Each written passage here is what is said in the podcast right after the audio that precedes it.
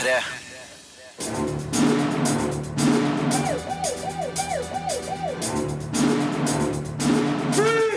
Filmpolitiet! What's your name, dude? Eh, Birger Vestmo. What kind of stupid name is that? Humoren har gått ut på dato i Dum og dummere 2. Utbyrd, Myten våkner, er en god studentfilm med beskjedent budsjett. Og 20,000 Days On Earth er en gudegave til Nick Cave-fans. Foruten de her premierefilmene skal det også handle om tre store spill. Du får førsteinntrykk av World of Warcraft, Warlords of Draenor, samt anmeldelser av Assassin's Creed Unity og Halo Master Chief Collection. Filmpolitiet anmelder film.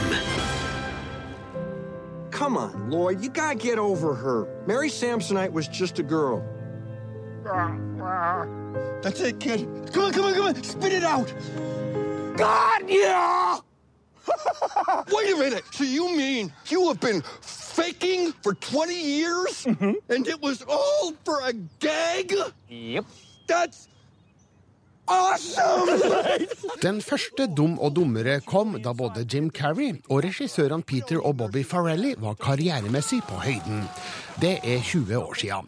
Og det merkes at humoren i Dum og dummere 2 er utgått på dato. Det fins morsomheter her som er lo av, men mye av filmen består av slitne gags som ikke fenger særlig godt. Jim Carrey og Jeff Daniels har greid å skape en del moro ut av sine barnslige figurer, men ofte blir humoren rett og slett for barnslig. Fint da at Dum og dummere 2 er utstyrt med en 11-årsgrense. Harry, I'm pregnant. Please call me. What do you think it means, Harry? Lloyd, I'm gonna be a. I denne filmen trenger Harry, spilt av Jeff Daniels, en donor til en nyretransplantasjon. Samtidig blir han overbevist om at han har et ukjent voksent barn som ble adoptert bort av mora, spilt av Kathleen Turner.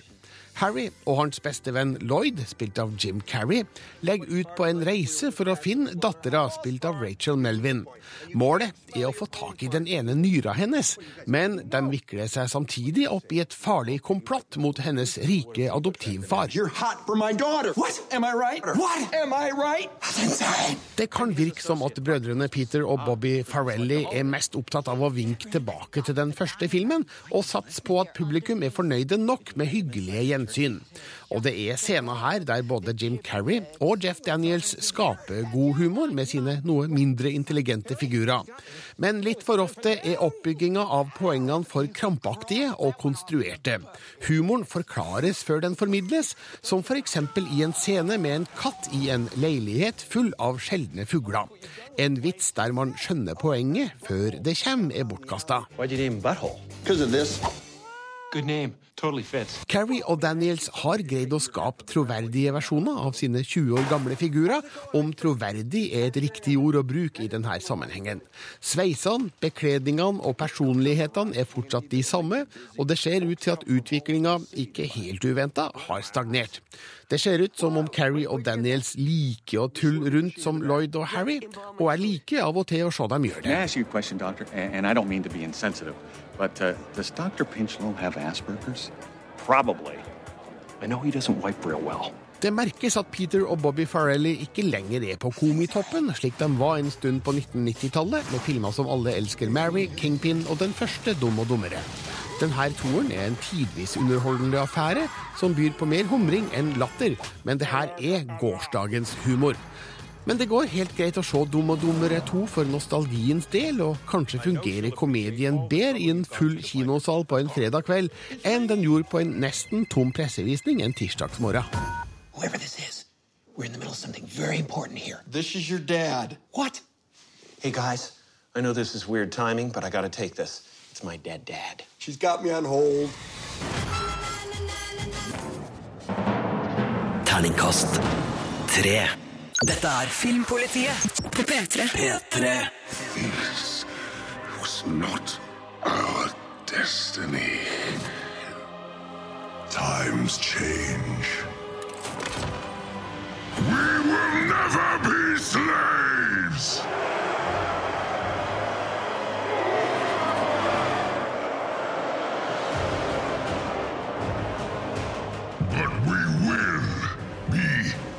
Conqueror.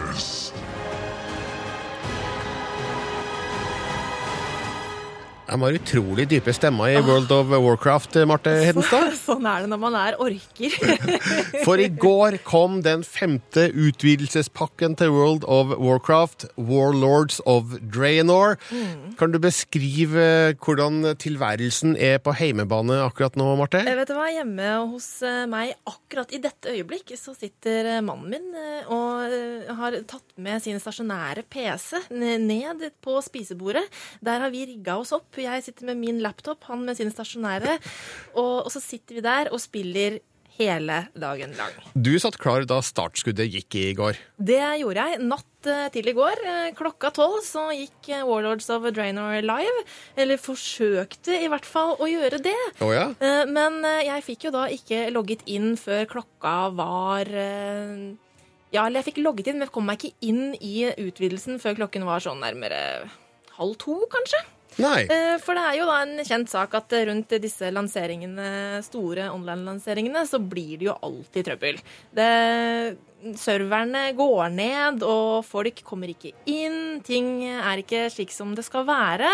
Eh, Men denne gangen så har Blizzard virkelig rota det til for seg sjøl, fordi at det er så mange mennesker på samme sted i spillet. Det er kun én vei inn til Warlords of eh, Draenor, og det er gjennom eh, The Dark Portal. Og når da alle spillere, spillerne i hele verden skal gjennom det samme punktet, så er det ikke rart at det blir eh, trøbbel for Blizzard. Blizzard er altså utvikler og publisher, publisher, Yes. utgiver av World of Warcraft. Og når dette er den femte utvidelsespakken, skulle man jo tro at de hadde lært noen lekser? Ja, det skulle man eh, tro. Eh, og det er jo mange som eh, roper etter ja, de må oppgradere serverne sine, og serverparken må fornyes, og de må ha kraftigere maskiner og sånne ting eh, eh, hos seg. Eh, men jeg forstår jo for så vidt hvorfor de ikke gjør det. Fordi du kan jo tenke deg at så stor pågang er det kun i disse dagene rett ved lansering nå. Og så vil det roe seg litt ned.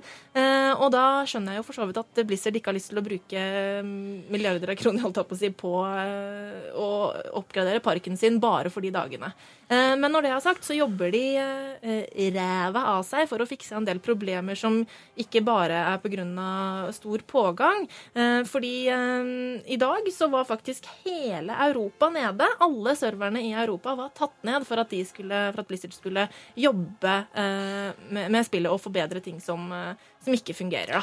Du har jo ikke hatt lange tida på deg til å prøve det her. så dette er førsteinntrykk og ikke en anmeldelse. Men hva Ja. tenker du da nå om World of Warcraft, Warlords of Draenor? Ja, altså jeg har jo, Det har vært ganske mye raging i heimen hjemme hos meg nå, fordi at, ting, at det har blitt logga ut så mange ganger at ting har hengt seg opp og sånne type ting.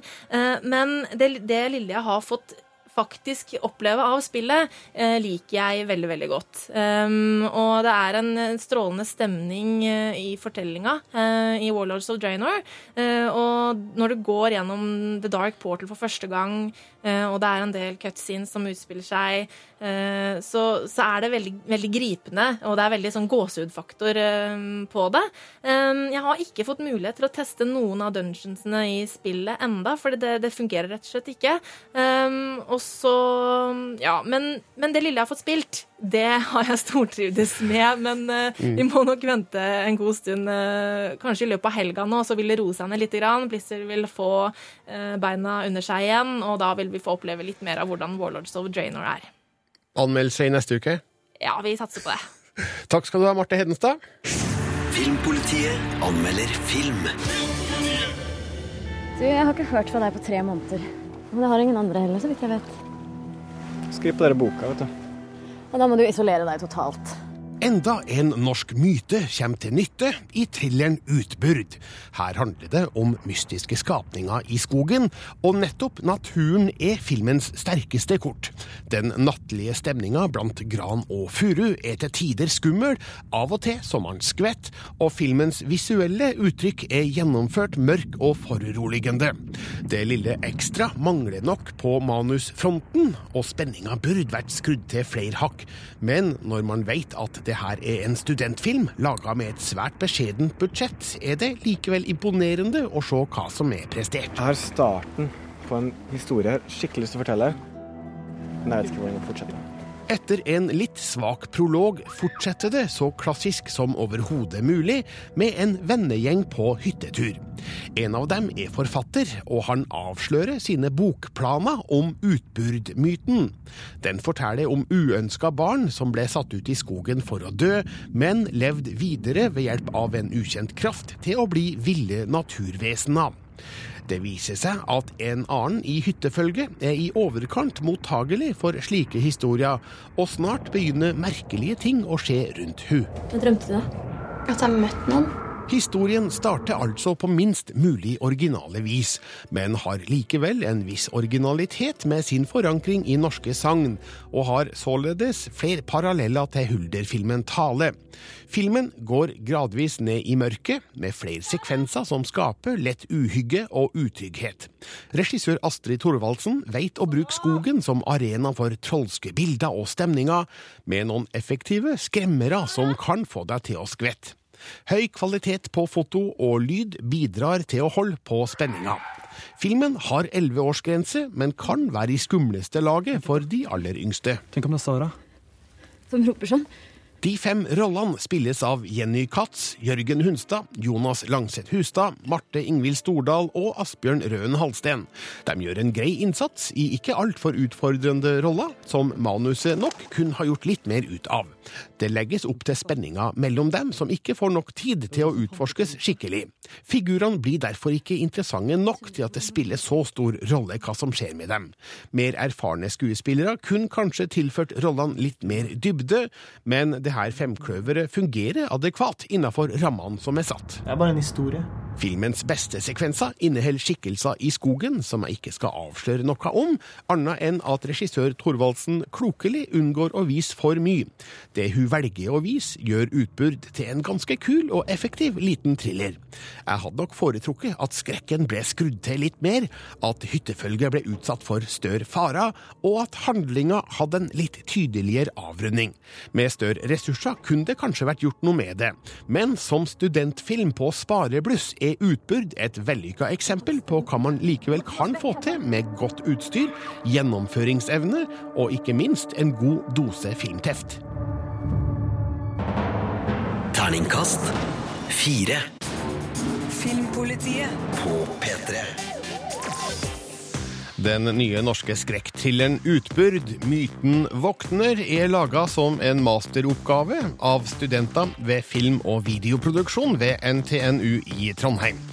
Regissør Astrid Thorvaldsen og manusforfatter Jonas Langseth Hustad forteller om veien fra masteroppgave til kinopremiere. Altså, vi fikk jo egentlig bare beskjed om at vi kan få muligheten til å lage spillefilm, og så fikk vi 10 000 kroner per hode, og så fikk vi egentlig bare startsignal. Og så har vi bare tatt det derfra. Vi Den ideen med utbud kom veldig, veldig tidlig, så det har vel egentlig aldri vært aktuelt med noe annet. Og så har vi egentlig bare prøvd oss derfra, da. Mm, og hvor mange, hvor mange Dere fikk 10 000 per hode. Hvor mange var dere? Vi var ni stykker i klassen. Dere laga en spillefilm for 90 000 kroner, ja. Hvilke utfordringer hadde dere med tanke på det budsjettet? Alt. Alt.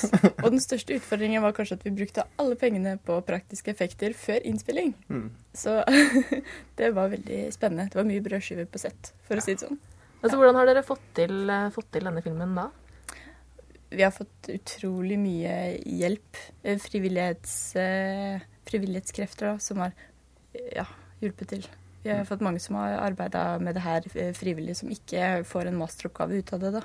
Mm. Så ja. Vi har jo studert eh, og jobba frivillig i student-TV i Trondheim, så vi kjenner etter hvert veldig mange flinke folk som er Mm. gira nok til å bare stikke ut i skogen og bruke en måned på å lage en film helt gratis.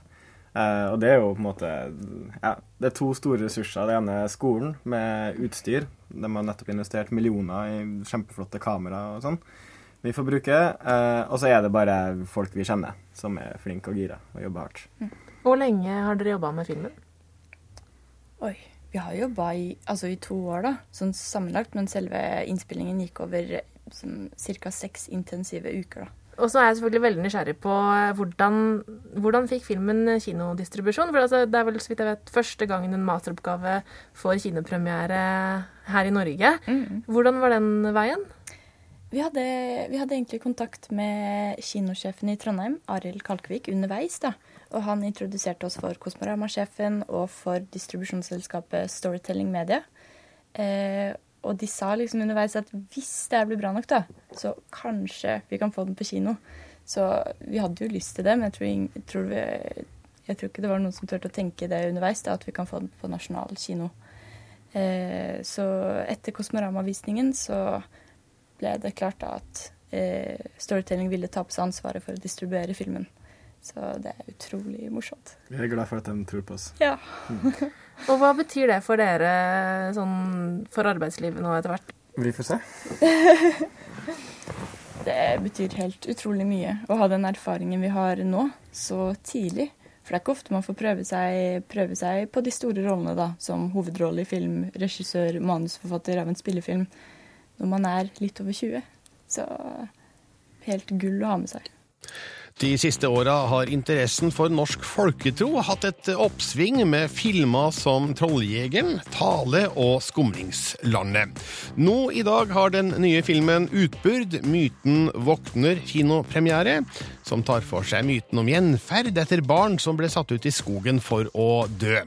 Regissør Astrid Thorvaldsen og manusforfatter Jonas Langseth Hustad forteller her hvorfor de tror interessen for folketro er så stor i filmbransjen. Jeg tror det handler litt om uh, nå som Norge begynner å få uh, en filmbransje som er litt mer oppe og går. eh, så tror jeg vi prøver å finne litt vår identitet. Hvordan kan Norge selge seg, og hvilke historier har vi som ikke USA har? Og der har vi en veldig rik folketro. og legender og myter og sagn som vi har å ta av. Mm. Hvordan fikk du ideen, da? Eh, vi fikk høre utbudmyten av en eh, filmlærer som sikkert hadde kjempelyst til at vi en dag skulle lage film om utbrudd. Eh, og det funka. Det satte seg skikkelig i hodet mitt, i hvert fall. Um, og så er det basert på opplevelser med, som vi alle har fra barndommen, hvor man hører på spøkelseshistorier og begynner å leve seg inn i det sammen. Det syns jeg er en spennende opplevelse, når man lever seg inn i en historie sammen. Og det er jo litt det film er på det beste, da. Eh, så jeg hadde lyst til å lage en, en film om den opplevelsen. Nå har dere jo laga denne filmen eh, mer folketro. Altså, kunne dere tenkt å lage film om det videre? Eller er det sånn, har dere lyst til å gå over på noe helt annet? Jeg tror vi begge to har snakka om at vi blir veldig trukket mot skrekkfilm. Ja. Veldig lett. Sånn Veldig grøsserskrekkfilm. Eh, for det er så god følelse. Det er så spennende å sitte og se en film og vite at noe er i ferd med å skje. Noe skummelt og som du ikke vet hva er. ennå. Mm. Det er en veldig, veldig god stemning å ha i kinosalen. Um, Mm. ja. Nei, det er flere norske sagn og overtroer som kan gjøre seg på kinolerretet. Som uh, det er mye, mye å fortelle Mm. der. Som sagt, så syns jeg at stemningen var veldig fin i filmen. Eh, Hva var det dere ønsket at folk skulle på en måte kjenne på i kinosalen? Alt, kanskje. Eh, Vi har, vi har veldig hatt lyst til å lage en film hvor det er på en måte folk eh, ler, man kan bli trist. Det er litt romantikk i filmen, det er skummelt. Vi har hatt lyst til å lage en film som spilte litt på hele følelsesregisteret, og det var veldig viktig for oss å lage, lage en film hvor vi brydde oss om karakterene, da. At de ikke bare var eh, sto klare for slakting, som de ofte er i skrekkfilmer. Absolutt. Ja. Mm. Så vi er også enige om at vi er veldig glad i den trykkende stemninga, da. Mm. Vi, er, vi har hatt uh, The Shining, Donnie Darko og Antichrist som veldig store inspirasjonsfilmer. Mm. Så det var det. Altså, gåsehud er liksom er målet. En ting med skrekkfilmer hvor man skvetter veldig mye. Det kan være spennende. Ikke like spennende som når man bare sitter med gåsehud. Uh, I manus har jeg tenkt gåsehud.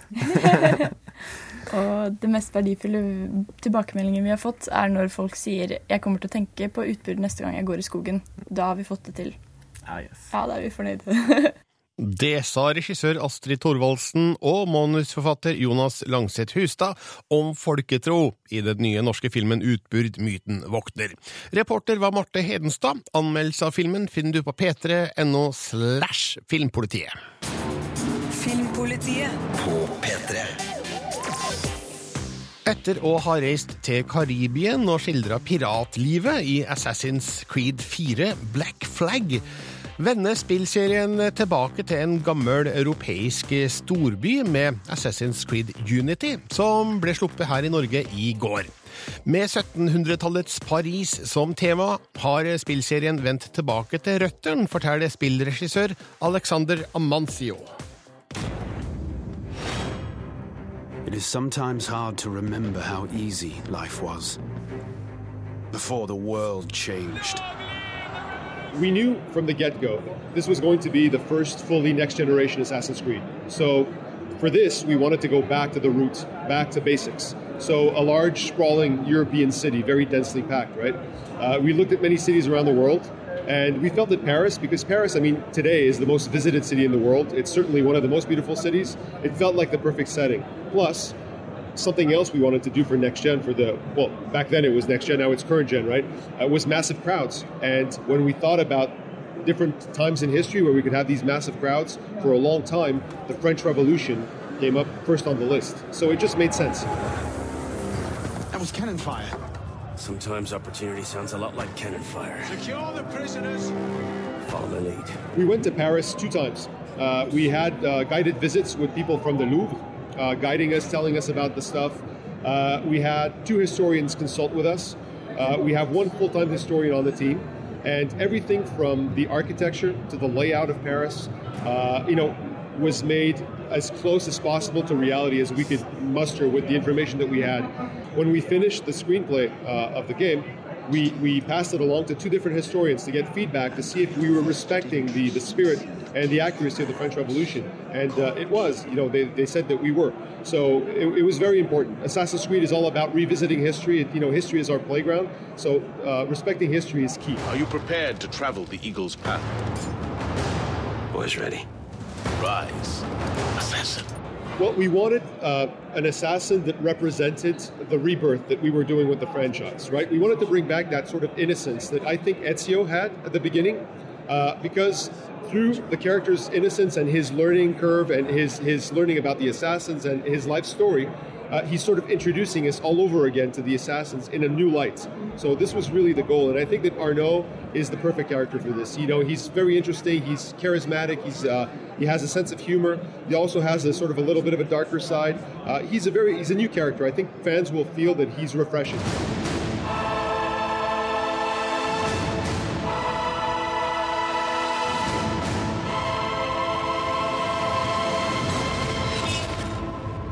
Du hørte spillregissør Alexander Amancio om Assassin's Creed Unity, som altså ble sluppet i Norge i går. Etter eventyr i amerikanske byer med spredt bebyggelse og lefling med piratlivet i Karibien, har Assassin's Creed-serien nå vendt hjem til en europeisk storby der takene på de tettbygde husene er perfekt når du vil utforske byen usett. Marte Hedenstad anmelder Assassin's Creed Unity. Filmpolitiet anmelder spill. For centuries, my countrymen have suffered under the oppression of an ignorant and decadent aristocracy. The common people cry out for food, for liberty, for justice. But they shall have no justice without someone to fight in their name. I Assassin's Creed Unity går turen til 1700-tallets Paris, der vi kastes midt ut i den franske revolusjonen.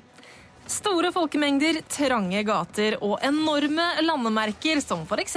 Notre-Dame.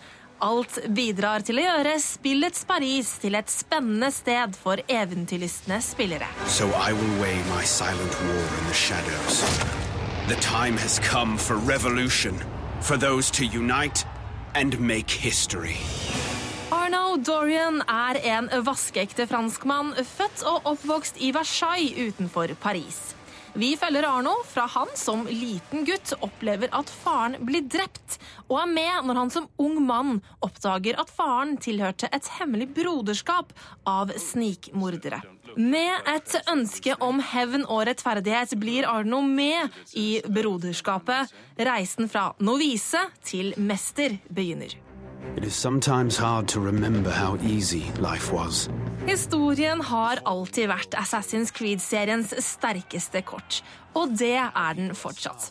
Unity fortsetter seriens miks av fiksjon og historiske hendelser og personer på en strålende måte. For historienerder er det massevis av moro å hente her, og spillet har gitt meg lyst til å lære mer om den franske revolusjonen. Father was an assassin, Arno. The world I knew with it. He gave his life fighting for the liberty of all mankind. I tillegg til hovedoppdragene som følger historien, er kartet i Assassin's Creed Unity spekka med sideoppdrag. Folk skal drepes, innbyggere må reddes, og mordere fakkes. Hvis du har lyst, kan du bruke timevis i Paris uten å ta historien videre. Felles for oppdragene er at de har en åpen utforming, der du kan velge hvordan du ønsker å løse oppgaven. Målet for oppdragene befinner seg som oftest i et område fullt av fiender, som du kan angripe fra hvilken kant du ønsker, og du velger selv om du vil snike eller kjempe deg inn. We used one another. You're the only one who can save the Brotherhood? We can together. For første gang i et Assassin's Creed-spill har vi en ordentlig samarbeidsmodus som foregår i selve spillverdenen. I spillets samarbeidsoppdrag kan du enten pares opp med tilfeldige spillere, eller spille med vennene dine. Du kan invitere inntil tre spillere inn i ditt spill, slik at dere kan utforske Paris sammen. Eller så kan dere starte et av de mange samarbeidsoppdragene på kartet. Dette fungerer godt, og det er gøy å samarbeide med andre spillere under oppdrag basert på hendelser fra den franske revolusjonen. Assassin's Creed Unity er et vakkert spill. Men som det første spillet i serien for den nye konsollgenerasjonen er det ikke overraskende at spillet ser bra ut. Likevel lar jeg meg imponere over hvor realistisk 1700-tallets Paris virker. Enorme folkemengder kan flokke seg på skjermen samtidig, og hver og en av figurene er en du kan dulte borti eller snike deg forbi. Folkefattige gater er ofte noe som tar knekken på realismen i spill, men Paris myldrer virkelig av liv. At byplanen er så korrekt som det er mulig å få til, og at mange av husene kan utforskes fra innsiden, og at bygningene er i riktig målestokk, legger ikke akkurat noen demper på følelsen av realisme. Den enorme skalaen ga meg også en sterk følelse av ærefrykt da jeg klatret opp i Notre-Dame for første gang, skuet utover byen og kastet meg ut av klokketårnet. Terningkast fem. I sted anmeldt Marte Hedenstad Assassin's Creed Unity, som kom ut i går.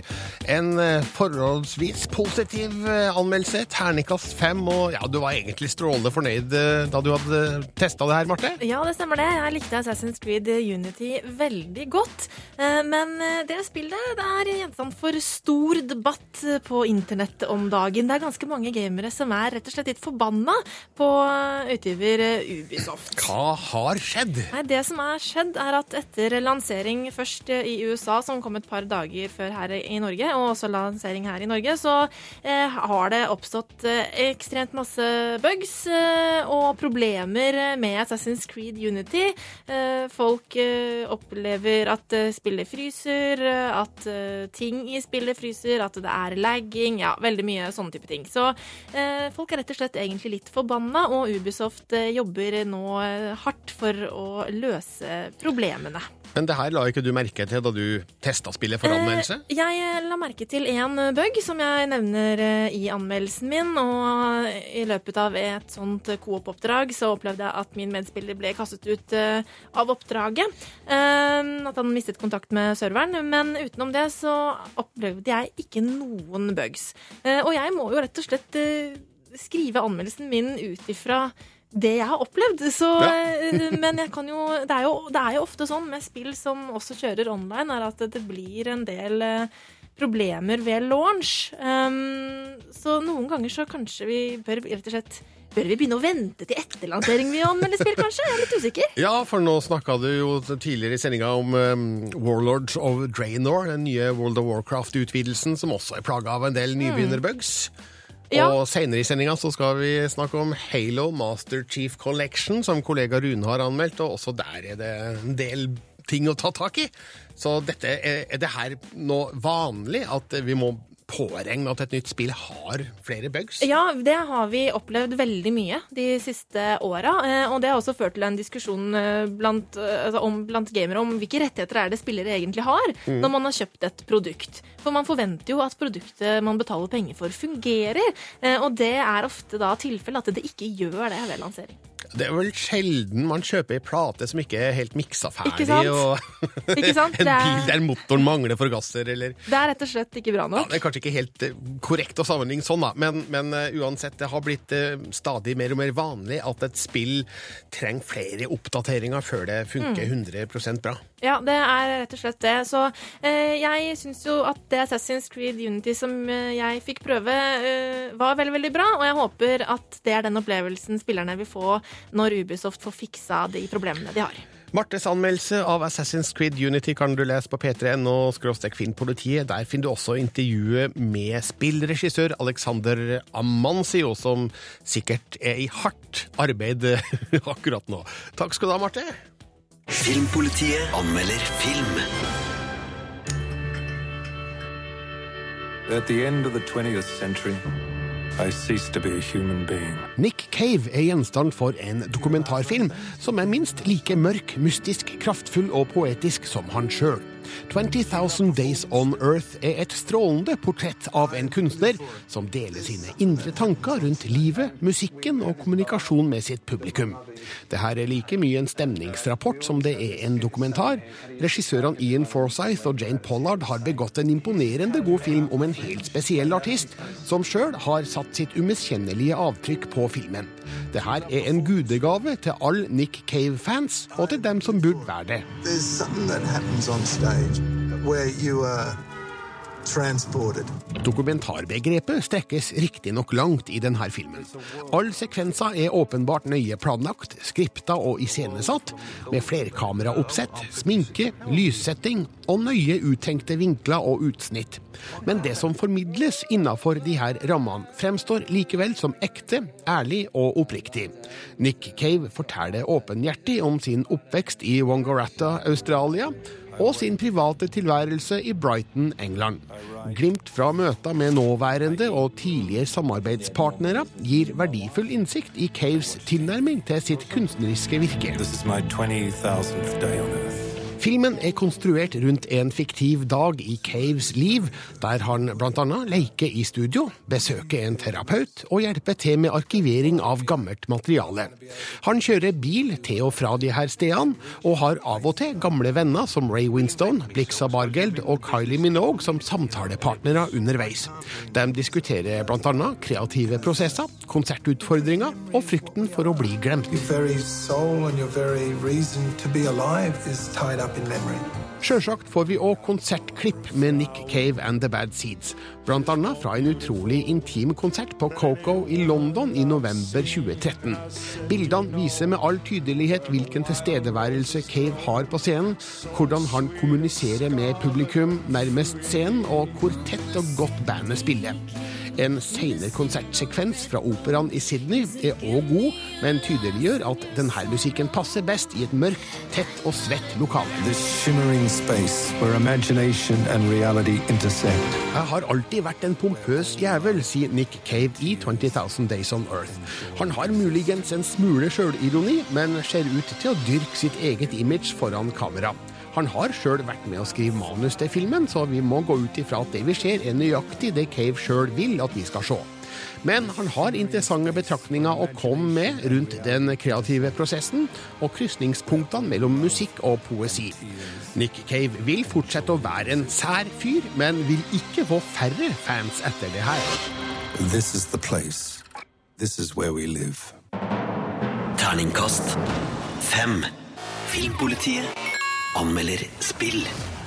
Our duty as soldiers is to protect humanity, whatever the cost. We're going in. Get tactical, Marines! Halo, The Master Chief Collection, er nå under Rune Haakonsens lupe. Hvordan står det til med lupen din, Rune? Vet du hva, Jeg får gåsehud bare av å høre på det her.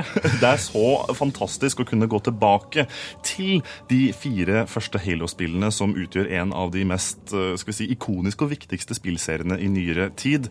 Jeg begynte jo med Halo Combat Evolved og ikke minst da Halo 2 og Halo 3 og Halo 4, som da de siste litt over 10-13 årene virkelig har vært en av de, de mest kjente spillseriene som, som har vært i hele verden, med en av de mest ikoniske spillheltene, Master Chief. Men vi snakker her om oppdaterte versjoner av de klassiske spillene. Ja, Microsoft forbereder seg nå på lanseringen av Halo 5 Guardians til neste år ved å gi ut alle de fire spillene her i en ny samlepakke. Halo The Master Chief Collection ble tilgjengelig her i Norge på tirsdag. Eh, Første spillet har allerede fått en oppgradering tidligere, eh, med en da sånn type eh, Hva heter det? Anniversary Edition. De har gjort det samme behandlingen nå med Halo 2, som er kanskje av mange sett på som et av de aller beste spillene i serien. Det har fått eh, ny full HD-grafikk, mellomsekvensen er oppgradert, mens Halo 3 og 4 har også fått full HD-grafikk. Det som er fascinerende, er når man går tilbake i, i, i tid og ser på gamle spillklassikere, så er det ikke alltid at de har holdt seg like godt over tid. Nei. At det kanskje, å, Vi hadde litt andre standarder i forhold til, til kvalitet på historiefortelling og spillmekanikk. Men Halo-serien holder seg fortsatt på et skyhøyt nivå. Det er imponerende å gå tilbake nå til de første spillene og se at kvaliteten fortsatt er like bra. Om man da får bra grafikk på toppen av det hele, så er det ikke rart at jeg syns at Halo Master Chief Collection er et must for de som har en Xbox One-konsoll. Men tidligere i dagens Filmpoliti har Marte anmeldt eh, Assassin's Creed Unity og World of Warcraft eh, Warlords of Draenor, som begge har vært plaga av en del teknisk køll. Og det samme er dessverre tilfellet på Halo The Master Chief Collection. Ja, jeg vil først bare si at innpakningen og på en måte presentasjonen, den tekniske presentasjonen av Halo The Master Chief Collection er helt eh, superb. Men så kommer problemet, nemlig i flerspillerdelen. Her er det mange funksjoner som ikke fungerer som de skal. Og det er egentlig nesten rart å se at en så etablert aktør som Microsoft da, ikke klarer å få til f.eks. det at du kan spille med venner ordentlig, at du plutselig havner i andre kamper som du ikke hadde tenkt til. Og her er det mange store problemer som fortsatt er eh, svært dominerende i Halo The Master Chief Collection. For, for, for I tillegg til å på en måte pusse opp de fire spillene, så har de integrert en, en, en annen flerspiller, eller måte å tenke flerspiller på, hvor du sammen med venner da i teorien kan hoppe mellom de fire spillenes ulike flerspillermodus eh, ganske så sømløst. Men så er det da dette, eh, denne delen som skal gjøre at du skal spille sammen med vennene dine, hvordan du kan finne andre kamper, og hvordan dette fungerer, som rett og slett ikke er oppe og står. Som gjør at du gjerne havner i helt andre kamper enn det du ville med folk som ikke er vennene dine. Og dette er en ganske fundamental feil. En teknisk eh, blunder som skjemmer inntrykket av, av pakken som helhet. For spillene i seg selv er jo fantastiske. Innpakningen er kjempegod, og måten de presenterer Halo-universet er kjempegod. Og så faller det altså og ramler og snubler når du kommer til flerspillerdelen. Og det er veldig trist. Jeg hadde egentlig tenkt å gi terningkast seks, men det ble Terningkast fem. Ja, ja, Så det er ikke en deal-breaker da, Rune? Nei, og, og, og også har jeg da gitt litt rann, eh, skal vi si, slack til Microsoft, jeg regner med de fikser disse problemene, men det er trist å se at eh, selv ikke de største klarer å, å få til en god teknisk lansering av, av eh, spill som dette. Eh, inkludert i dette dog en liten sideting, siden dette tross alt er en, en, en samling av alle historiene i Halo-universet, så er det også det at det skal forberede folk til Halo 5 Guardian, så det gjør det jo med en TV-serie som heter Halo Nightfall. Takk skal du ha, Rune Håkonsen. Filmpolitiet anmelder film. The Fault in Our Stars er aktuell på Blu-ray, DVD og strømmetjenester. Det her er anmeldelsen min fra da filmen hadde kinopremiere i midten av juni. Filmpolitiet anmelder film. I believe we have a choice in this world about how to tell sad stories. On the one hand, you can sugarcoat it. Nothing is too messed up that can't be fixed with a Peter Gabriel song. Ung kjærlighet og død har vist seg gang på gang å være en uimotståelig kombinasjon, spesielt for unge jenter, i bøker og eller filmer som eksempel Romeo og Julie, Love Story og Dying Young. Nå kommer The Fault in Our Stars med mer av det samme, men sjøl om den kanskje ikke scorer på originalitet, er den så avgjort sympatisk. Den kan oppfattes som en kalkulert tåredrypper, mynta på et ungt publikum som ikke har forutgående kjennskap til sjangertriksene, men har et friskt manus med god dialog og en strålende Shailene Woodley i hovedrollen. Okay. Hazel, spilt av Woodley, har kreft og går motvillig på støttegruppemøter med andre kreftsyke. Der møter hun Gus, spilt av Ansel Elgort, og de finner en felles lidenskap i en bok med kreftrelatert innhold, skrevet av Peter van Houten, spilt av Willem Dafoe. Og de bestemmer seg for å reise til Amsterdam for å spørre forfatteren hva som skjer etter at boka slutter brått, midt i en setning. Men det å kunne reise på en slik tur er ingen selvfølgelighet når man er i ferd med å dø. What's your story? I was diagnosed when I was 13. Your real story. Jeg har alltid problemer med å se filmer om kreft fordi jeg ikke vil høre om sykdommen. Kall det gjerne fornektelse. Men jeg ender ofte opp med å like filmene fordi de ikke egentlig handler om kreft, men om mennesker. The Fault in Our Stars legger ut noen skjebner som man kan relatere seg til, samme hvilket kjennskap man har eller ikke har til kreft. Figurene i denne historien lever med mange av de samme følelsesmessige utfordringene som alle andre, bare til en viss grad forsterka. I am in love with you, Hazel Grace. And I know that love is just a shout into the void and that oblivion is inevitable. Jeg har litt problemer med å godta Gus-figuren. Ansel Elgort spiller han som eplekjekk sjarmør med altfor stor sjøltillit og mistenkelig mange gode og gjennomtenkte kommentarer på lur. Det fins ingen slike karer, men her er han sjølve postergutten for drømmende fjortiser. Han temmes heldigvis av Shailene Woodleys fattede rolle som Hazel. Sjøl når tåredryppinga er på sitt verste, fremstår Hazel som ei klok jente med fullt forståelig tunge tanker for fremtida, men kanskje ikke på den måten man tror. Filmens beste scene handler om hennes frykt for hvordan det skal gå med dem som hun skal etterlate seg, nemlig foreldrene, spilt av Laura Dern og Sam Trammell. For alt som har et nært og kjært forhold til Divergent, vil det kanskje være litt rart at Shailene Woodley og Ansel Elgort spiller søsken der, og kjærester her. Men vi snakker om to helt forskjellige univers og helt ulike figurer. The Fault in Our Stars mener alt godt og gjør mye fint. Regissør Josh Boone har laga en helt grei film basert på den populære boka av John Green, og vil treffe mange tenåringsjenter midt i tårekanalen. It's a life, Hazel Grace. Okay. Okay.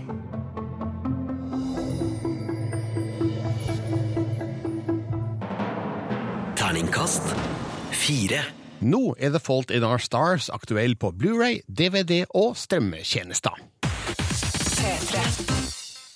Det er klart for den store interstellarpraten her i Filmpolitiets podkast. For eh, ved premieren så var det kun jeg i redaksjonen som hadde sett filmen. Marte og Rune, dere har sett filmen nå i løpet av uka som har gått. Og vi advarer mot at heretter blir det veldig spoilertungt, så om du ikke har sett Interstellar enda, bør du slå av nå og komme tilbake siden. Men nå er The Floodgates are open når vi nå diskuterer Interstellar. Alle vet jo hva jeg syns. Terningkast fem, herlig, undrende science fiction, det er da de korte stikkorda. La oss først høre nå hva syntes dere, Marte, først? Vel, jeg kan jo si sånn at eh, da jeg etter at filmen var ferdig, så bare satt jeg helt stille igjen i salen til rulleteksten gikk og alle hadde gått ut.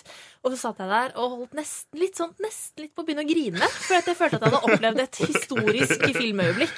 Ja Så det, det sier vel sitt. Jeg elsket den. Ja, det samme her. Eh, Gåsehudfaktoren var ekstremt stor gjennom det hele.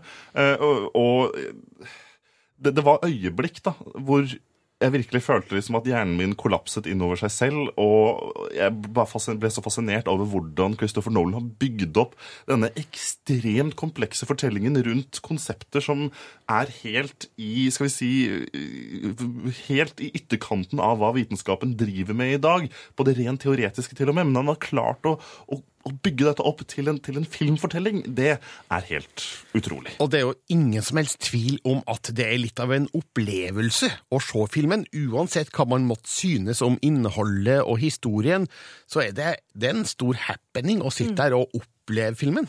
Ja, det er det. I løpet av den siste uka så har det kommet flere artikler på nett om eh, science-delen av eh, science fiction-filmen. Og det er vel ikke så interessant for meg, føler jeg. Jeg, godtar hva som helst i science fiction. Men, men enhver film må jo følge en viss indre mm, logikk. Eh, Hva tenkte dere da dere så filmen?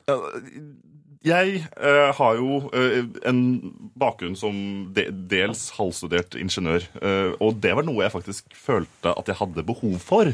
For det er noen konsepter når eh, man eh, på en måte går forbi og inn i det sorte hullet, når Matthew McConaughey klarer å kalle Cooper, da, gå inn i det sorte hullet og gå forbi våre vanlige tre dimensjoner, og så ha konseptene på plass rundt hva, hvordan kan vi se på tid som en fysisk dimensjon, hva betyr det at det er en femtedimensjonsvesener som driver og styrer rundt i dette?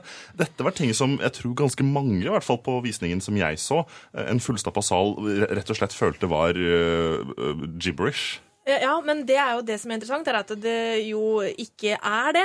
Eh, eh, Jeg har lest flere artikler på nett fra vitenskapsmenn som mener at eh, Christopher Nolan har klart å sette, liksom gi eh, disse eh, teoriene, eh, fysikkteoriene, eh, et veldig flott bilde, og at han klarer å formidle relativitetsteorien annet på en veldig fin filmatisk måte.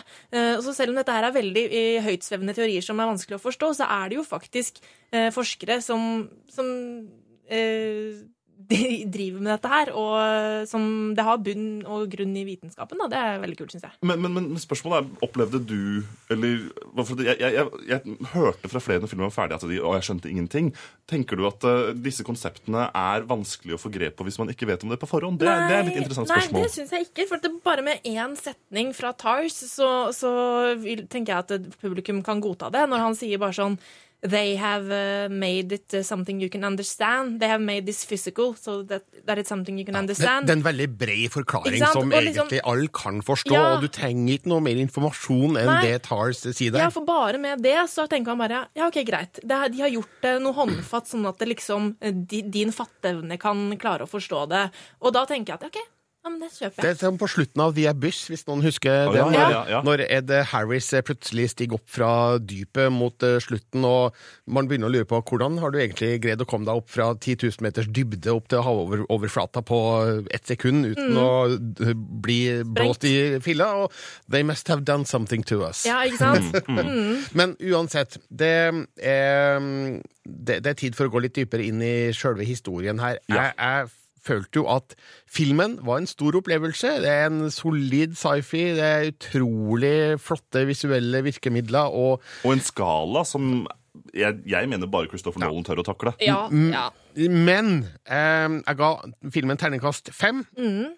Den mangler noe for å komme helt opp på klassikerstatus. Hva er det du Ja, for, for, det, det, nå tror jeg du sitter, sitter, med, sitter med to stykker som, som, som lurer på hva var det den da mangla? Ja. For det første, la oss da ta starten. Når vi blir kjent med Cooper og familien hans, og hele filmen avhenger jo av dette far-datter-forholdet. Men jeg syns ikke det er godt nok skildra, rett og slett. jeg. Jeg føler ikke at det oppstår det her båndet mellom far- og datterfigurene i filmen, eh, til at det greier å bære hele handlinga. Eh, Det at han skal komme seg tilbake til hun, eller dem skal gjenforenes en gang i fremtiden, det blir liksom ikke et stort poeng som, som, eh, som føles viktig i filmen. Fordi um, Nolan er utrolig flink til å filme effekter og stilige sekvenser, men han er kanskje ikke så flink til, til, til folk. Jeg har, har, har to perspektiver på akkurat det. Det ene er at jeg, jeg mener det da, far-datter-forholdet oppsummeres veldig effektivt etter at han har vært på foreldresamtale på skolen og sier I got you expelled from school. Mm. Altså, det, det var et definerende øyeblikk hvor deres bånd ble veldig tydelig for meg. Men eh, jeg forstår hva du mener, fordi Nolan også er veldig glad i det jeg kaller effektiv historiefortelling. Ja. Eh, han, han skipper alt som han mener kan være urelevant, og han gidder ikke å sløse tid på ting som, som, som, som, som trekker ting ut. Og, og, og- et eksempel der er jo selve oppskytinga når han har bestemt seg for å dra. Ja, det er akkurat det jeg skulle til å si. Fordi han bestemmer seg, å dra, bestemmer seg for å dra veldig, veldig fort. Og så plutselig er han i verdensrommet. Ja. Eh, For da er det jo ikke sant, han, han forlater Det er en, en, en tårevåt adjø. Don't, Mm. leave, eh, don't make me leave this way. Don't make me leave this way. Mm. Eh, Siden uh, Murph ikke vil at han skal dra. Mm. Um, og så idet han kjører bilen vekk, så telles den ned, og så er han der ute. Ja. Så, så, så jeg ser det som en, en del av og, og det er noe som kjennetegner hele filmen. Det er Nolans idé om at man bare skal kutte til beinet eh, når det kommer til historiefortellinga. Og, og det er noe jeg også kjenner Ja. igjen fra bl.a. Inception. Men hele handlinga eh, dreier seg jo rundt eh, problematikken rundt eh, eh, tidsstrekkinga rundt det sorte hullet, og å nei, nå har det gått eh, 40 år, Mm. og hva skjer med de der hjemme? Og så føler jeg ikke at det store båndet egentlig eksisterer, da. Og så kulminerer jo hele filmen i en veldig rar sekvens når den 90 år gamle dattera har reist i to år i cryosleep for å møte far sin, og bruker omtrent to minutter før han blir kippa ut av rommet og stikker. Ja, ja, men, ak- ak- Men var- altså, skal vi hoppe rett til den scenen? Eller vil du si noe først? Nei, nei, nei om den scenen. Ja, for, for den har jeg skjønt deler mange. ja. Den, det, det er liksom kanskje det punktet i filmen som, som mange misliker. Ja, det skal jo være det emosjonelle klimakset, og så blir det ingenting. Nei, stikk av gårde til hun dama som, som jeg vet du har jobba sammen med, og som jeg da gjetter at du har noe romantisk på gang med. Fordi det kan jo ikke jeg egentlig vite, fordi jeg har jo vært på jorda uten kontakt med deg i, i 80 år. Men jeg oppfordrer deg likevel, etter at jeg har gjenforent meg med deg i to minutter, Ja. nå må du stikke av gårde til hun. Ja, nei, men altså, Det er jo ikke 'nå må du stikke av gårde til hun', egentlig. Det er jo 'nå må du stikke, for jeg vil ikke at du skal se at jeg dør'.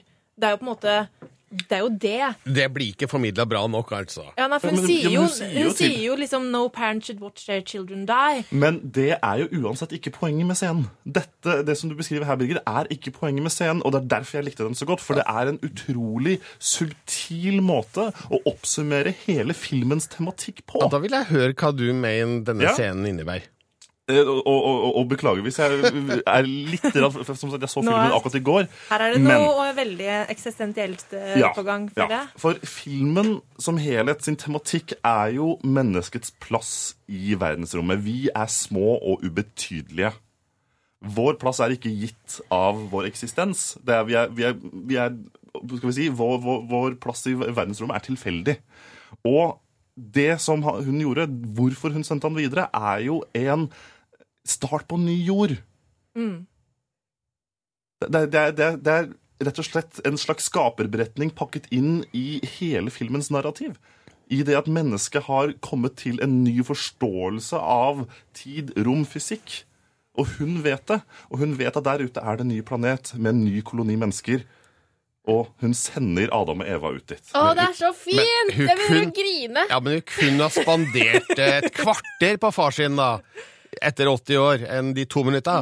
Altså, det Jeg skjønner hva du vil fram til, men eh, poenget mitt er at eh, Nolan burde ha gitt denne scenen mer liv, mer rom, eh, mer tid til å puste. Ja, ja men, men der er igjen altså komme tilbake til hva er hensikten med den. Og for jeg tror ikke Nolan hadde som hensikt å bygge opp under det emosjonelle eh, slagkraften til den. For dette, det er ikke forholdet dem imellom som betyr noen ting som helst. Ei heller gjennom hele filmen. Det er menneskets plass i det hele.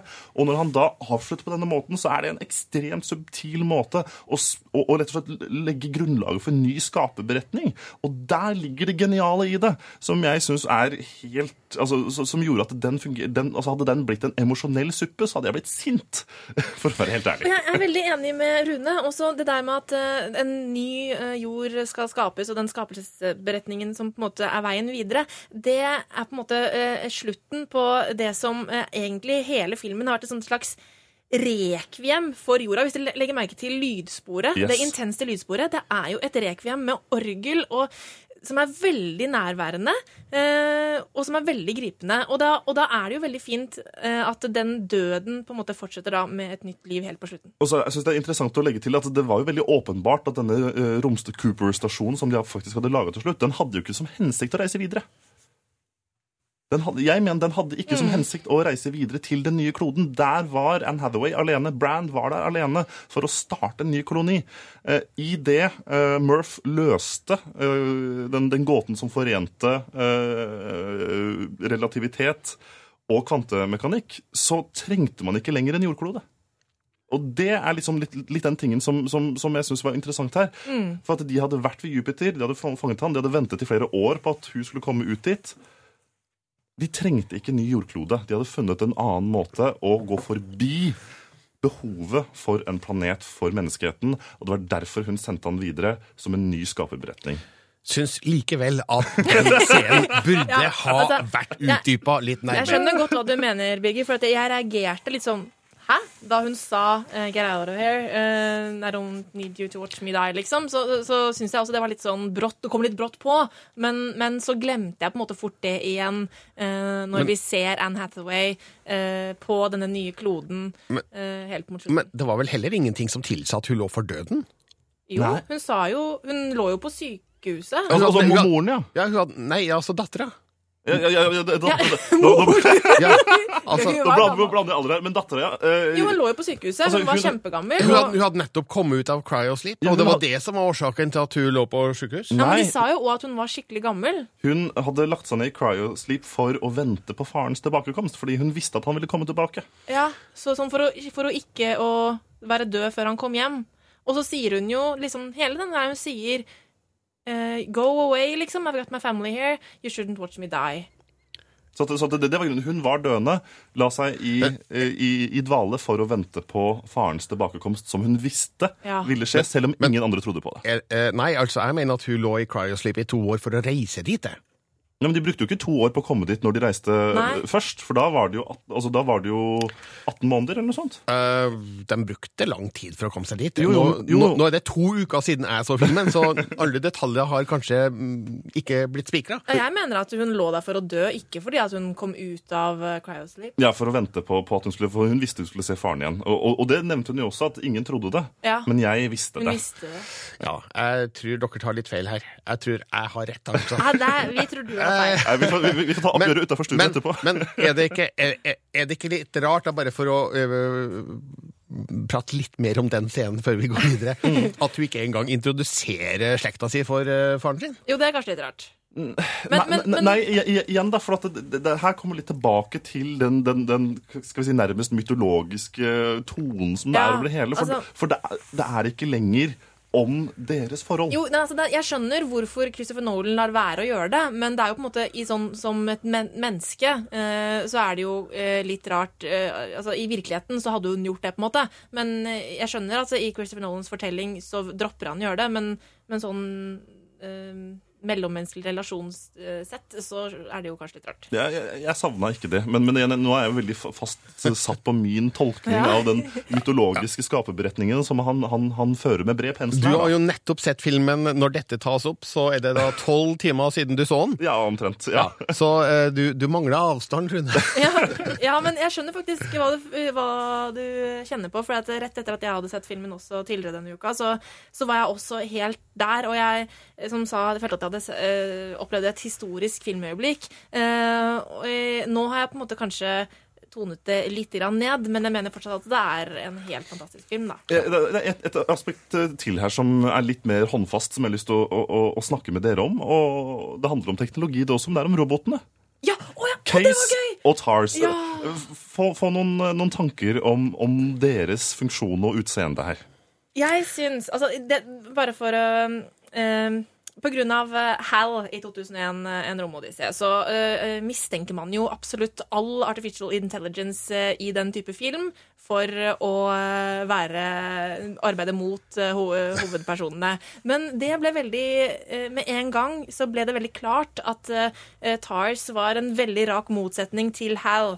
Eh, og det jeg syns var så gøy, var at eh, den ekstremt boksete, absolutt ikke androidetilnærmingen til den roboten eh, var så sterk kontrast med stemmen, fordi det er den mest menneskelige roboten jeg noensinne har hørt, som rett og slett ikke har noen form for androida-utseende, og det syns jeg var skikkelig kult. Mm, jeg er enig. Jeg synes det var veldig også morsomt med at de brukte dette som altså, kan du si at Tars og Case var jo Interstellars sitt svar på Jar Jar Binks. Ja, bare at Ja, det var comic- mye bedre utført. Comic relief. Comic Ja, relief, comic relief. Men uten å gå over kanten på det.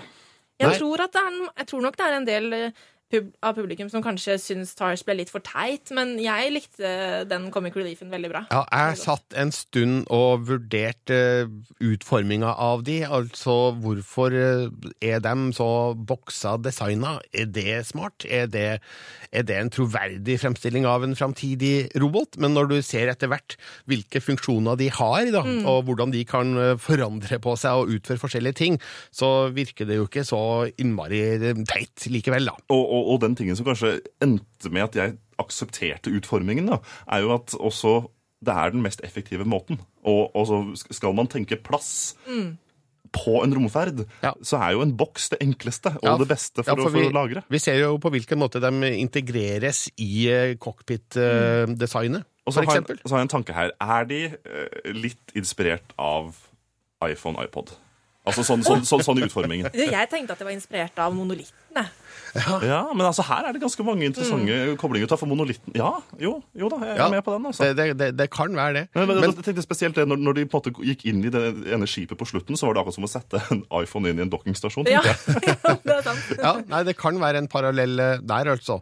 Eh, jeg følte også at uh, voicinga av disse robotene var veldig godt eh, gjennomført. Eh, de ga robotene en viss menneskelighet som ingen andre figurer egentlig har. Mm. Eh, dette med at de kunne stille seg inn på ulike eh, tro, Nei, hva, hva, nei ulike Humorskala. Ja. 90 Self-destruct in 10. Nei, ok, 1 det, det, det kan kanskje skli over i det parodiske for enkelte, men jeg syns det holdt seg godt innafor, altså. Ja, Han balanserte, men falt ned på den rette sida, er i hvert fall min tanke akkurat der. Men du, jeg har lyst til å gå litt til, til, tilbake igjen til, til begynnelsen av filmen.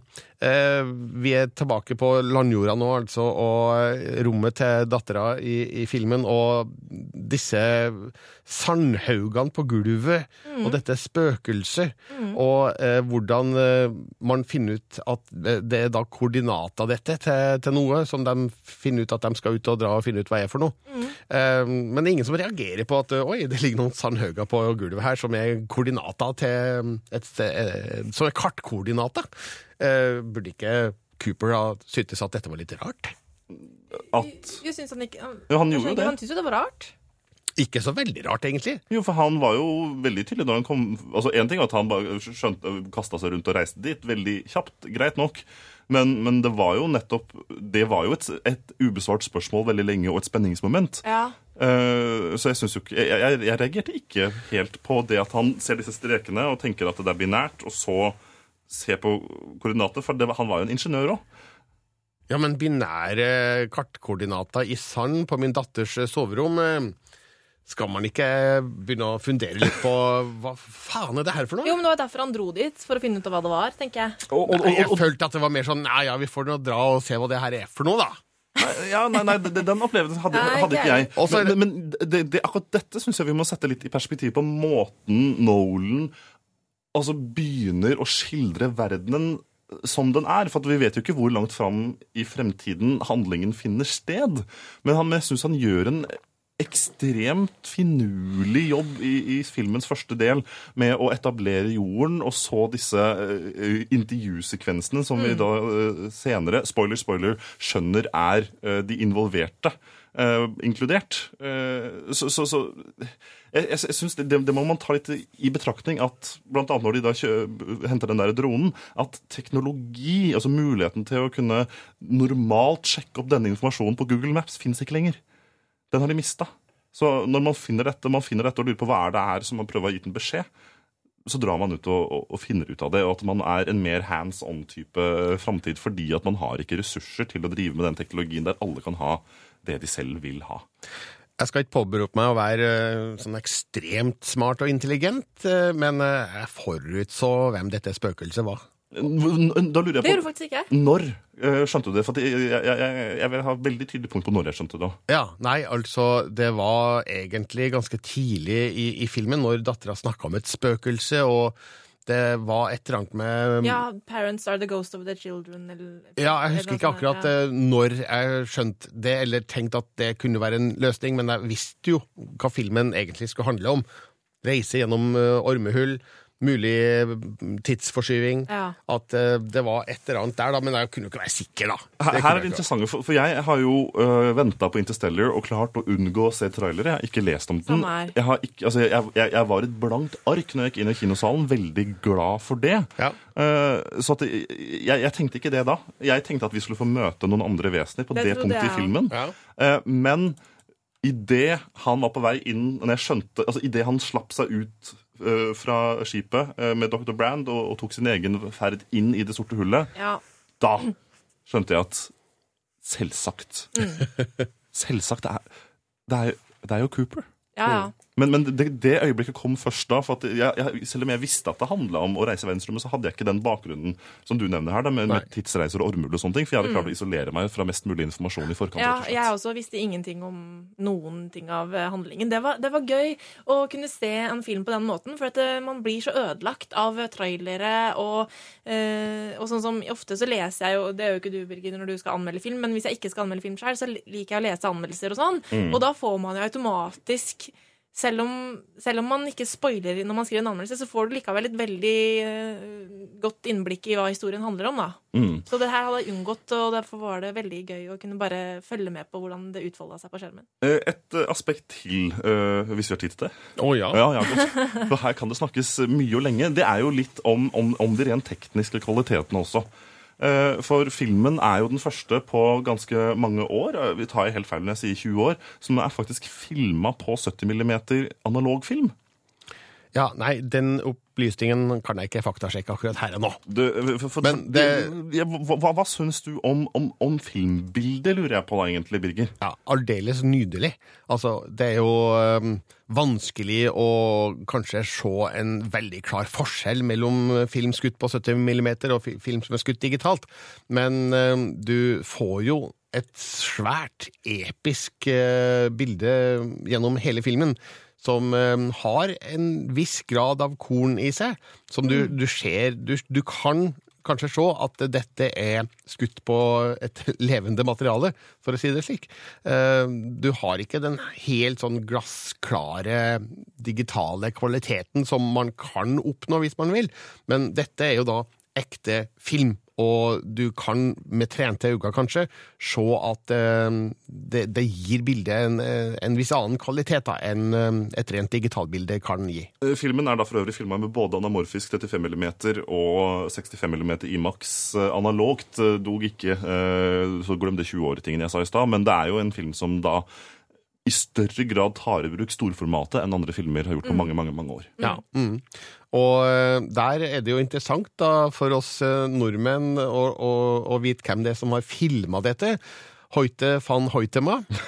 Og det er så fun fact. Jeg elsker den fun facten. Kom med, kom med den morsomme fun facten, Rune. Mannen som har filmet Interstellar, og en lang rekke andre, bare for å nevne noe her nå. Her, Tinker Taylor, Soldier Spy, The Fighter, eh, La den rette komme inn. Hans debutfilm er Svidd neger fra 2003. Fra Svidd neger til Interstellar. Der, der, der, der har vi en biografi på gang. altså, Birger. Et galaktisk eh, hopp, eh, passende nok. Yes. Ikke noe stygt sagt om Svidd neger på noe som helst vis, altså, men eh, det, det er jo en reise å gå fra en liten norsk smal film til Interstellar. Jeg, jeg elsker det. Og ikke minst så må det legges til at nå Hoite van Hoitema skal også da filme den neste Bond-filmen. eh, Og ikke minst så har han også allerede eh, filmet den nye Brødrene Løvehjerte-filmen til Thomas Alfredsson, som blir spennende. Men det er jo på det visuelle Christopher Nolan er på sitt sterkeste. Altså, eh, det er jo en avsindig vakker film på alle mulige måter, det her. Men samtidig veldig avstemt. For den frastår fra de eh, Skal vi si eh, for, for, for En film som jeg på en måte hadde som en slags sånn visuell referanse i bakhodet, er jo Kubricks 2001 En romodyssé her.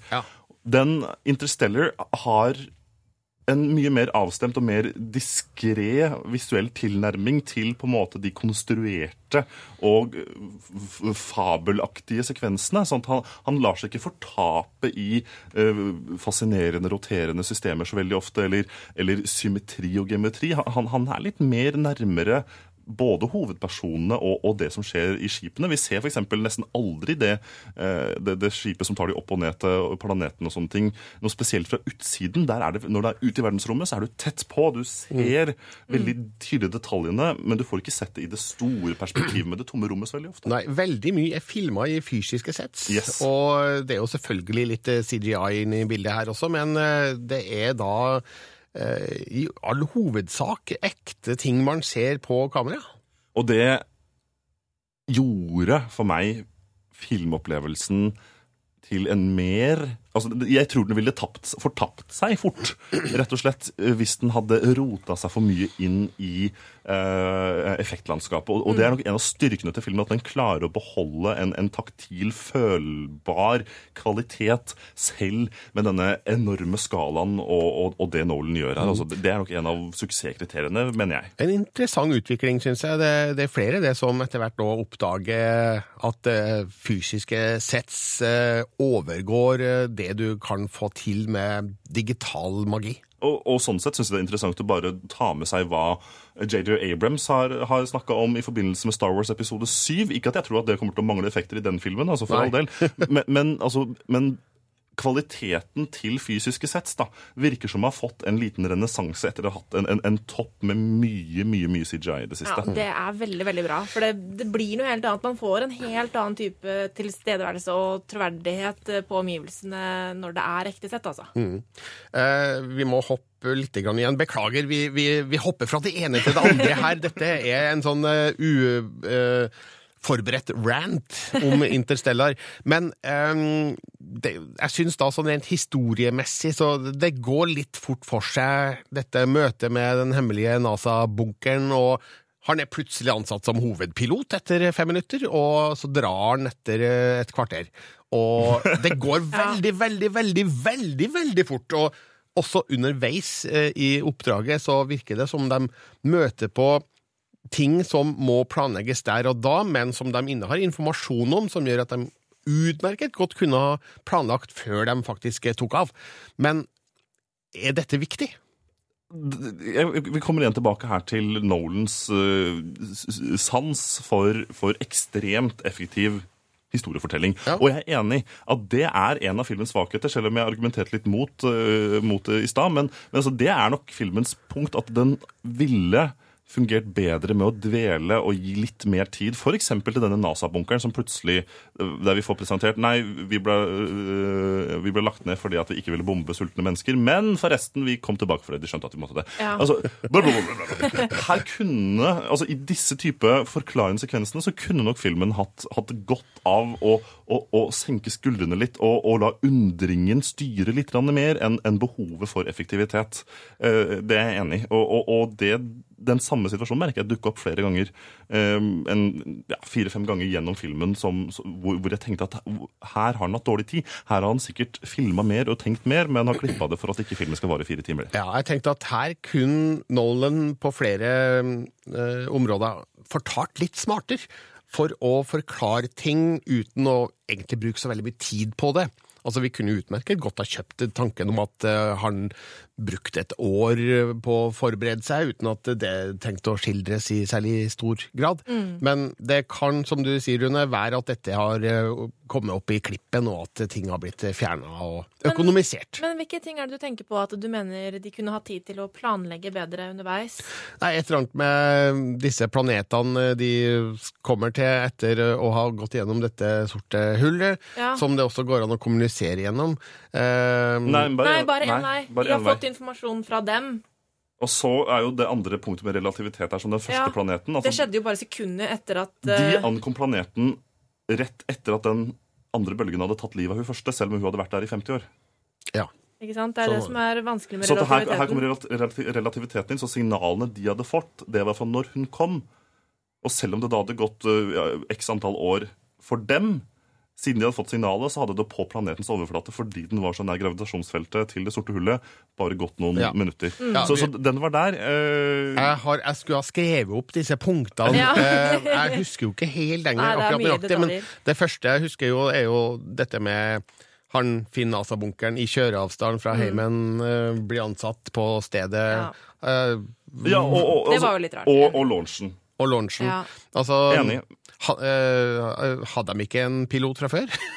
ja, ja, altså, ja, det spør jo han også. Og så sier de jo jo, men ingen som De har bare vært eh, De har aldri vært ute i rommet på ekte, og, Og det var jo, eh, de har bare vært i det var jo de, to, de, de, de to andre som var med, for så vidt. da. Ja, så han spør jo det samme spørsmålet. Men det er sikkert- interessant, jeg må bare si et punkt der jeg synes akkurat denne taktikken til Nolan med å være effektiv i historiefortellinga fungerte veldig godt, var jo når de var nede på den første, planeten, og så kommer Mm. tilbake til han som har blitt gammel. Det har gått 25 år, ja. Og så Det har gått 23 år, 23 år det fem måneder, åtte dager.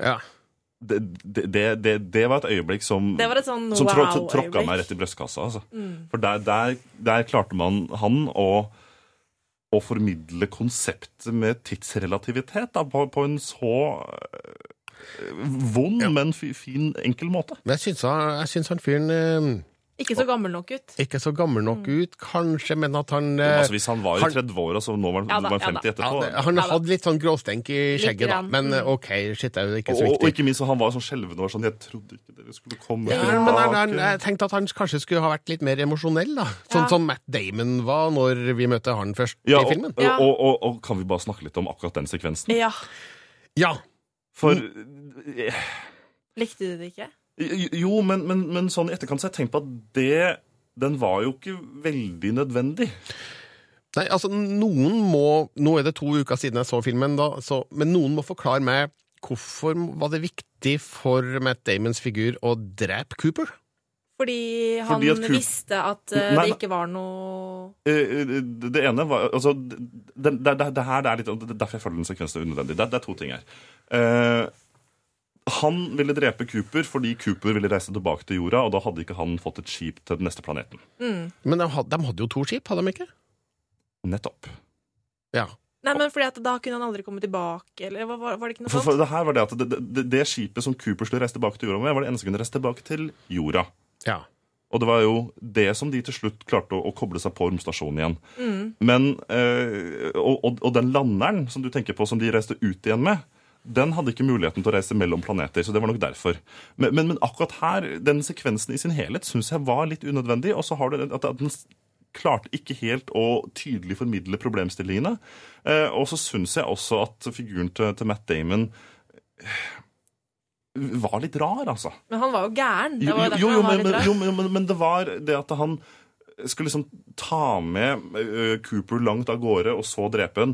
Og så skulle de reise tilbake, og så fullføre oppdraget. Eh, Den skjønte jeg ikke. Jeg skjønte, jeg skjønte, ja, greit at han var blitt gæren, altså, men, men Altså, skjønte- den, den, den galskapen kunne blitt formidlet bedre. Ja, men det er jo da litt smart å bruke Matt Damon i en sånn rolle, fordi Matt Damon er en fyr vi stoler på. Nei, jeg stolte ikke på han. Jeg, jeg skjønte med en gang at, eh, at Her var det noe eh, fishy. Her var det noe fishy. Fra sekundet de krasja i skyen, så tenkte jeg at nå er det Ja, noe greier. Jeg Det skjønte altså- det umiddelbart at han hadde sendt ut eh, falsk info på det. En annen ting jeg lurer på, vi hopper og springer igjen, at uh, både på denne bølgeplaneten og på isplaneten så har de dagslys. Hvor Ja. kommer det dagslyset fra? det, det, var ikke dette, det var jo tre planeter som var rundt en stjerne, var det ikke det? Nei, men det som er, er at en, den sorte hullet er jo en stjerne som uh, har implodert. Det er jo det som har vært solen i dette systemet. Så hvor er sola? Altså, det på, på. Matt Damon-planeten så var det 60, 67 timer dag og 67 timer natt. Ja, men Greit nok. hvor, eh, hvor var sola? Nei, det, det, det, det er et interessant poeng. Eh, For altså, altså, hvis det var Altså, OK. For å gå litt inn i- fysikkens verden her nå. Ja. Eh, Når, når vi snakker om bølgeplaneten det, Disse store bølgene kan jo enkelt forklares eh, Ja, fordi det var nærme det sorte hullet. Med det sorte hullet. Som hadde en stor gravitasjon. gravitasjon. Ja. Men lyset, ja. Det er et godt poeng. For at hvis det var en, en, en sol i nærheten med eh, stor nok masse til å lyse opp et solsystem, så ville det vært veldig naturlig tenker jeg, at om, om de ikke hadde blitt eh, sugd inn, så hadde det i hvert fall vært en, et binært eh, solsystem. Da. Og det, det, vi fikk jo aldri se noe av det. Det, er- det, det er et godt poeng. Men det kunne ha vært Det en ha eh, vært sol et eller annet sted der som ikke blir forklart eller vist, eller Vi, vi, vi får la filmen få the benefit of the doubt, akkurat det der. Nei, men, det var bare den, en ting den, den, den hadde jeg ikke tenkt på. Godt poeng, Birger. Ja. Mm.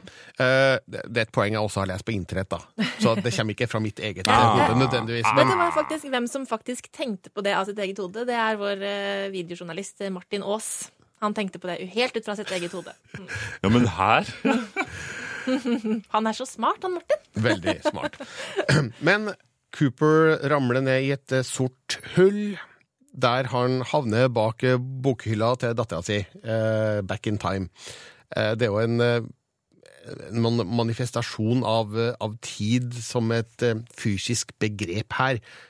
Men det er en scene som jeg tenker er veldig nær på å ramle ut det litt eh, ufrivillig komiske. Syns du det? Ja. Eh, Nei Hvorfor det? En står bak bokhylla og puffer ut bøker. Altså, det er ikke langt unna til at det er litt sånn komisk. Nei, men altså det, jeg, jeg, jeg, Ah, nei, jeg følte bare på desperasjonen hans i det øyeblikket. At han For- for- ønsket for så innmari å formidle noe. Det var jo nettopp dette som Og, og dette er jo også det uh, astrofysikere uh, regner med er tilfellet. Det er jo ikke noe man kan bekrefte sånn uten videre på, på jorden, men at gravitasjon er jo en av de elementærkreftene som kan uh, strekke seg forbi tidsdimensjonens uh, lineære form, da, som vi ser den. Og jeg synes hele den Og, og det kommer til- tilbake til det at jeg tror at hvis man har en forståelse av at tid også Altså å, å, forstå at tid også er en ekstra dimensjon i tillegg til, til, til, til hvordan vi ser et rom, og at hvis man går ut et hakk og, og tenker hva er femte dimensjon, og, og, og ha en begrepsforståelse rundt disse ganske vanskelige konseptene, vil være så en, en fordel da, hvis man ønsker å forstå hva Nolan gjør, litt mer sånn håndfast. Og eh, bare et tips til alle som hører på, på den podkasten her nå, gå inn på YouTube og så søk opp uh, YouTube-filmen 'Imagining The Tenth Dimension' for en liten sånn krasjkurs i hvordan man kan tenke oppover i sånne systemer. Eh, jeg- skjønner at eh, det, det kan være litt rart, men jeg opplevde ikke det på den samme måten som du gjorde, Birger. Det gjorde jeg ikke. Men tror vi helt på at eh, Cooper kan sende alle kvantedataer om eh, universets mysterier eh, via morse? Ja. altså, jeg, jeg må si at det, spesielt sånn som filmen presenterte det, og dens logikk, men også i forhold til min egen interesse i, i denne typen form for astrofysikk. Da. Og det at man har jo også fascinerende nok klart å vise binær eh, kvante... Eh, altså teleportering av kvanteinformasjon over eh, usannsynlige avstander, at det er mulig å få til. Så, så, så, så, for meg så var dette bare en utrolig elegant måte for Nolan å inkludere mange kontemporære tanker om astrofysikk inn i et fantastisk narrativ, og jeg kjøpte rubbel og bit. Skal vi eh, nærme oss avslutningen eh, her, og tilbake til mm, romstasjonen eh, oppkalt etter Cooper, altså dattera. Ja. Dattera, som det viser seg. Eh, jeg jeg, jeg, jeg syns det var en usedvanlig fint grep å, å, å, å, gå tilbake Altså å, å slutte filmen i en sylinderformet romstasjon. Eh, For eh, det er Christopher Nolans måte å peke eller tippe hatten og, og hylle en av de virkelig store science fiction-forfatterne som har, eh, denne, har skal vi si, været denne jorden med sin tilstedeværelse, nemlig mannen som sammen med Stanley Kubrick skrev 2001 En romodyssé. Mm. I en av hans mest andre kjente bokserier, eh, Rama-serien, så dukker det opp en svær sylinder nær Jupiter som man ikke vet hvor kommer fra. Men mennesker reiser dit og ser at det har vært jordbruk, det har vært ting som har levd her, på samme måte som vi ser i, i filmen. Så, så, så, for meg, så, at at filmen slutter med en romstasjon på den måten, er et, et, et nikk da, til Arthur C. Clarke sin idé om mennesket som lager en, en og, kanskje derfor kom også min tanke som jeg var innom tidligere i podcasten, med at de ikke skulle videre. At de kunne lage en, et system, en, en bygge en, en stasjon hvor menneskeheten kunne overleve på egen hånd og ikke trengte en ny planet. rett og slett. Så jeg synes det var bare en sånn liten fin måte å avslutte det på. Ja. Gå tilbake til Rama-serien til Arthur C. Clarke, som eh, er for øvrig bare å anbefale. En helt nydelig science fiction-bokserie. Er jo ikke helt usannsynlig, Rune. Jeg tenker begge filmene, både, altså både 2001 og Interstellar, handler jo litt om det samme. Altså om ja, menneskehetens utvikling, da. Mm. Og det neste steget, ja, rett og slett.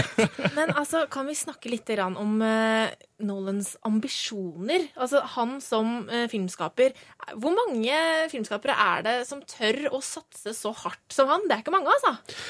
Nei, det, det er det ikke. Altså ikke å fortelle en underholdningshistorie basert på rimelig høytflyvende vitenskap. Altså høytflyvende i den forstand at det her er tanker, ideer og teorier som går litt over hodet på folk flest, sånn som meg. Men som samtidig er 100% rotfesta i den vitenskapelige eh, kunnskapen da, og teoriene som anses som sannsynlige, og som man tror på at faktisk er mulig å bekrefte i fremtiden. Så den, den, den, Selv med sin høytflyvende innfallsvinkel så har den jo en, en, en, en uvanlig hard science fiction-anker, da, skal vi si.